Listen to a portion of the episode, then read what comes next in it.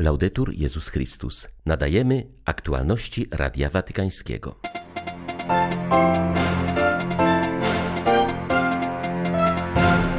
W Watykanie rozpoczęła się międzynarodowa konferencja na temat formacji stałej kapłanów. Księża potrzebują dziś podniesienia na duchu, mówi prefekt dykasterii do spraw duchowieństwa. Mija rok od trzęsienia ziemi w Turcji i Syrii. W Aleppo ludzie są zdesperowani, nadal nie mają gdzie mieszkać, mówi posługujący w tym mieście Marysta.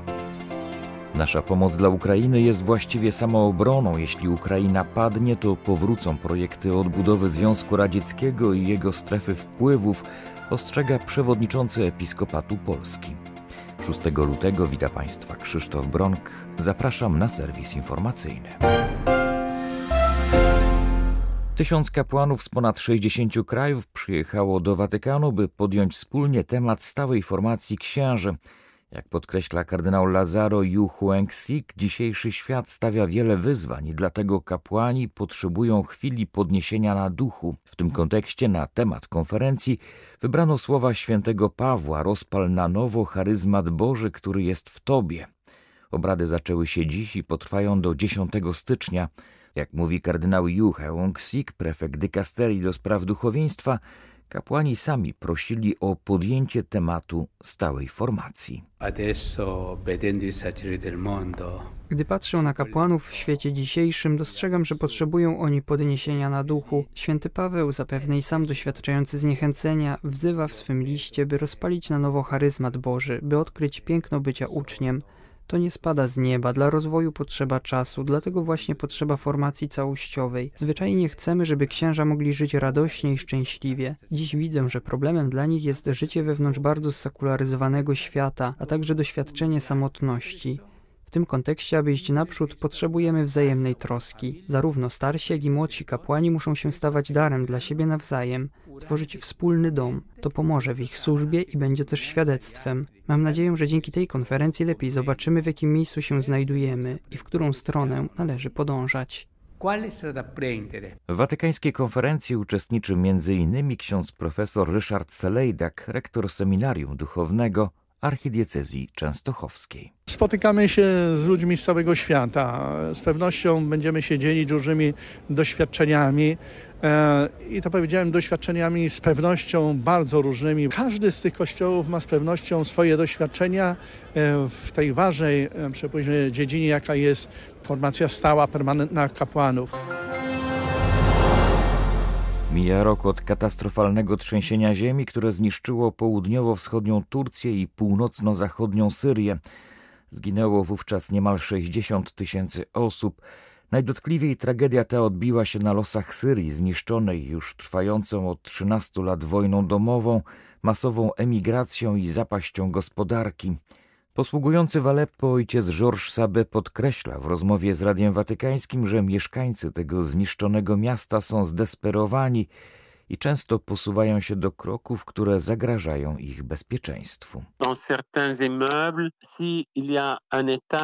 Codziennie widzę budynki, które zostały częściowo zniszczone, gdzie panuje całkowity brak bezpieczeństwa, a jeśli jedno z pięter nie zostało całkowicie zniszczone, często jest zamieszkane. Zasadniczo nikt nie powinien tam przebywać, ale są ludzie, którzy z powodu ubóstwa czy faktu, że był to ich stary dom, decydują się tam mieszkać. Najgorszy jest jednak w tym wszystkim strach. Są ludzie, którzy przez jakiś czas spali w ubraniach, bo bali się, że trzęsienie ziemi się powtórzy. Są dzieci, które do tej pory mają ogromne trudności z oddzieleniem się od rodziców, zarówno w nocy, jak i w ciągu dnia. I nie możemy zapominać, że ta trauma ma również swoje źródło w uprzednim doświadczeniu wojny, ze wszystkimi jej konsekwencjami. L'expérience de la guerre, vous voyez, la guerre avec toutes ses conséquences. Syryjski marysta zaznacza, że na skutki trzęsienia ziemi nakłada się ubóstwo spowodowane zapaścią gospodarki i międzynarodowymi sankcjami.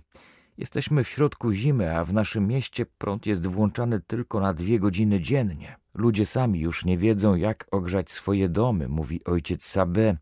Podkreśla, że Syryjczycy nie chcą być żebrakami, chcą stanąć na własne nogi. Avant tout, de croire Przede wszystkim musimy wierzyć, że nadzieja jest możliwa. Pomimo braku perspektyw, musimy wierzyć, każdy z osobna i jako wspólnota kościelna, że nadzieja jest możliwa i że Pan nas nie opuści. Nasza wiara pomaga nam iść naprzód. Pan obiecał, że nie zapomni o nas nawet w czasie burzy. Wydaje się, że Pan śpi, ale w rzeczywistości jest z nami, aby ukoić nasze serca i uspokoić nasze umysły. Na tym właśnie się opieramy, że Pan Bóg jest z nami, a nasza nadzieja nas nie zawiedzie.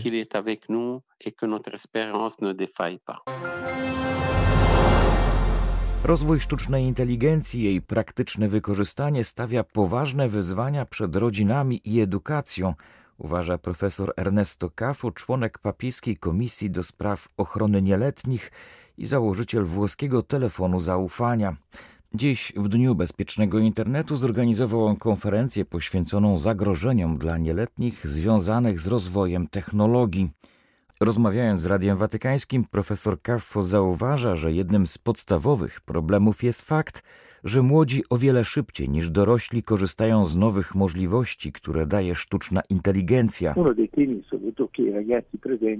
Jedną z najważniejszych kwestii, które przedstawiają młodzi ludzie, jest kwestia ich własnych danych, ich prywatności. Oznacza to, że są dziś coraz bardziej świadomi złożoności kontekstów, które są regulowane przez wielkie interesy, do których oni nie mają dostępu. Nowe pokolenia chcą być częścią cyfrowej populacji, chcą być protagonistami i to o wiele bardziej niż dorośli, a tymczasem wiele tych innowacji to platformy, które nie są odpowiednie dla dzieci, które nie zostały stworzone z myślą o nieletnich i to niejednokrotnie prowadzi ich do kontaktu z niewłaściwymi materiałami, materiałami o podłożu seksualnym, materiałami z przemocą, materiałami, które często są ogólnie rzecz biorąc toksyczne, a zatem widzimy rozwój cyfrowy nieletnich w tych przestrzeniach, w które dorośli nigdy nie weszli, ponieważ są to nowe, niezbadane obszary. aree nuove, aree inesplorate. Jeśli owocem wrogości jest nienawiść, to owocem solidarności jest pokój, podkreślił kardynał Matteo Zuppi, przewodniczący episkopatu Włoch, odnosząc się do pomocy udzielanej Ukraińcom przez Polskę i inne kraje europejskie. Kardynał Matteo Zuppi był gościem na konferencji poświęconej problemowi uchodźstwa, zorganizowanej wczoraj na Uniwersytecie kardynała Stefana Wyszyńskiego w Warszawie. Włoski purpura zwrócił uwagę na ogromne rozmiary tragedii. Liczby pomagają nam zrozumieć dramat, jaki ludzie przeżywają od początku wojny na Ukrainie. Co trzecia rodzina musiała opuścić swój dom. 6 milionów ludzi jest w różnych krajach Europy. 1 milion jest tutaj, w Polsce. 5 milionów to osoby wewnętrznie przesiedlone. I możemy sobie wyobrazić cierpienie, trudności tych, którzy stracili wszystko, tych, którzy muszą odbudować swoje życie. Na Ukrainie liczba ubogich podwoiła się w tym czasie. Organizacja Narodów Zjednoczonych podaje, że 7 milionów Ukraińców również doświadcza kryzysu żywnościowego.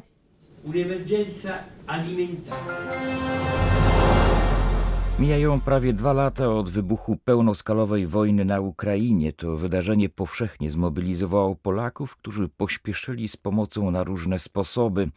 Wiele akcji wsparcia wciąż koordynują wspólnoty i organizacje kościelne.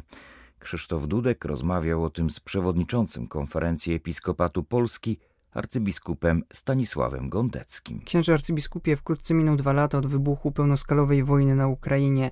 Jak my, jako Kościół w Polsce, zareagowaliśmy i odpowiedzieliśmy na tę tragedię? Myślę, że Kościół katolicki w Polsce zdał swój egzamin z pomocy uchodźcom ukraińskim i z pomocy na rzecz samej Ukrainy. Pomoc Kościoła katolickiego w Polsce głównie miała miejsce przez Caritas Polska albo też przez Caritas diecezjalne. Mowa była, że w pierwszym roku około 337 milionów polskich złotych ona wynosiła. To, co było ważniejsze według mnie, to nie te pieniądze, ale bardziej ta pomoc bezpośrednio tym, którzy znaleźli się w Polsce. Było ujmujące, że ten ruch taki nagły, pomocowy zrodził się i że on miał dość powszechne rozmiary. Pamiętam takie słowa arcybiskupa Szewczuka z jednego z jego przemówień, że wszyscy jesteśmy kościołem i gdy jedna część cierpi, to też siłą rzeczy cierpią i inne. Czy te akty solidarności, o których wspominaliśmy, pozwalają mówić, że między kościołem w Polsce i kościołem na Ukrainie istnieje głębsza więź, która też sprawia, że będziemy pomagać niezależnie jak długo potrwa wojna.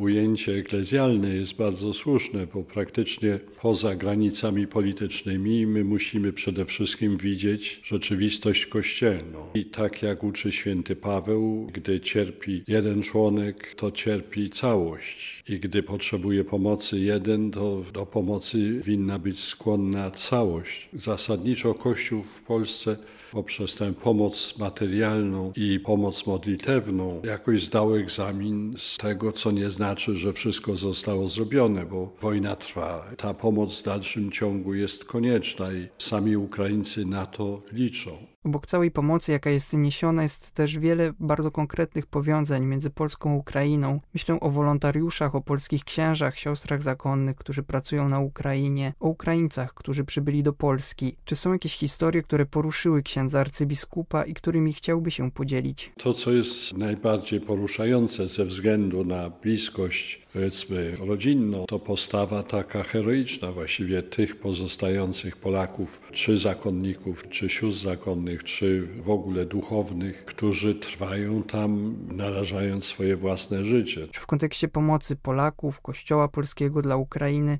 ksiądz arcybiskup chciałby coś jeszcze dodać? Przy tej okazji jest też i możliwość odnowienia jakichś więzi braterskich między Polską a Ukrainą. Nasza pomoc jest właściwie samoobroną. Jeśli Ukraina padnie, to projekty powrotu do Związku Radzieckiego i do strefy wpływu Związku Radzieckiego powrócą.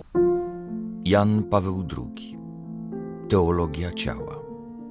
Apostoł pisze: Czyż nie wiecie, że ciało wasze jest przybytkiem Ducha Świętego, który w was jest, a którego macie od Boga? I że już nie należycie do samych siebie. Te słowa pozwalają nam jeszcze głębiej uzasadnić postawę, cnotę czystości, czystości serca, o której Chrystus w sposób tak zdecydowany, a równocześnie tak bardzo dyskretny mówi w Ewangelii, a zwłaszcza w kazaniu na górze. Uzasadnieniem czystości stosunku człowieka do swego własnego ciała, stosunku mężczyzny do kobiety, w stosunkach wzajemnych ludzi do siebie, jest przede wszystkim to, że to ciało posiada swoją godność. Godność osobową. Człowiek jest osobą i ta sama godność osoby przysługuje jego ciału, wszystkiemu, co w nim jest cielesne, związane z jego męskością czy kobiecością. Ale święty Paweł wskazuje jeszcze na wyższą czy też głębszą rację. Ta głębsza racja leży właśnie w tym, że jak pisze do Koryntian, nasze ciała są przybytkiem, świątynią Ducha Świętego. Dzięki tajemnicy odkupienia, przed tym jeszcze wcielenia dokonanej przez Chrystusa, nasze ciała posiadają oprócz godności osobowej, poniekąd naturalnej, godność nadprzyrodzoną. Świadomość tej godności, czyli tej wartości, jest na pewno podstawą pracy nad sobą, tej pracy, która zmierza do ukształtowania cnoty czystości, do ukształtowania czystości serca w każdym w nas i w całym naszym postępowaniu. Całość katechezy o teologii ciała na polskiej stronie Vatican News w YouTube oraz głównych platformach podcastowych. Były to aktualności Radia Watykańskiego. Laudetur Jezus Chrystus.